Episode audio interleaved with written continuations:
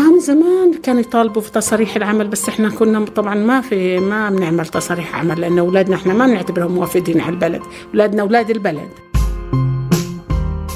هذا القانون هو قانون الجنسية الأردني اللي لليوم بيميز ضد المرأة الأردنية المتزوجة من غير أردني وبيحرمها من حقها في توريث جنسيتها لأبنائها وبناتها. طالما ما في مزاولة وما في رقم وطني آه، صعب جدا آه، تشتغلي.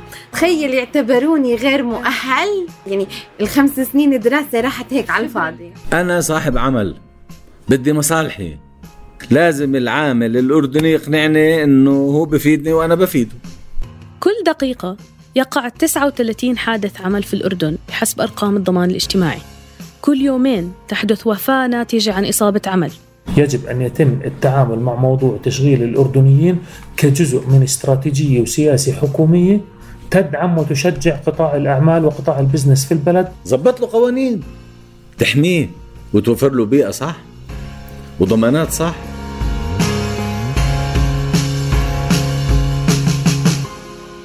هذا الموسم رح نناقش أكثر السياسات اللي بتنظم سوق العمل وأثرها على العمال الأردنيين والوافدين أو حتى اللي بنظر القانون وافدين لكنهم بيعتبروا أنفسهم أبناء بلد برغم القانون.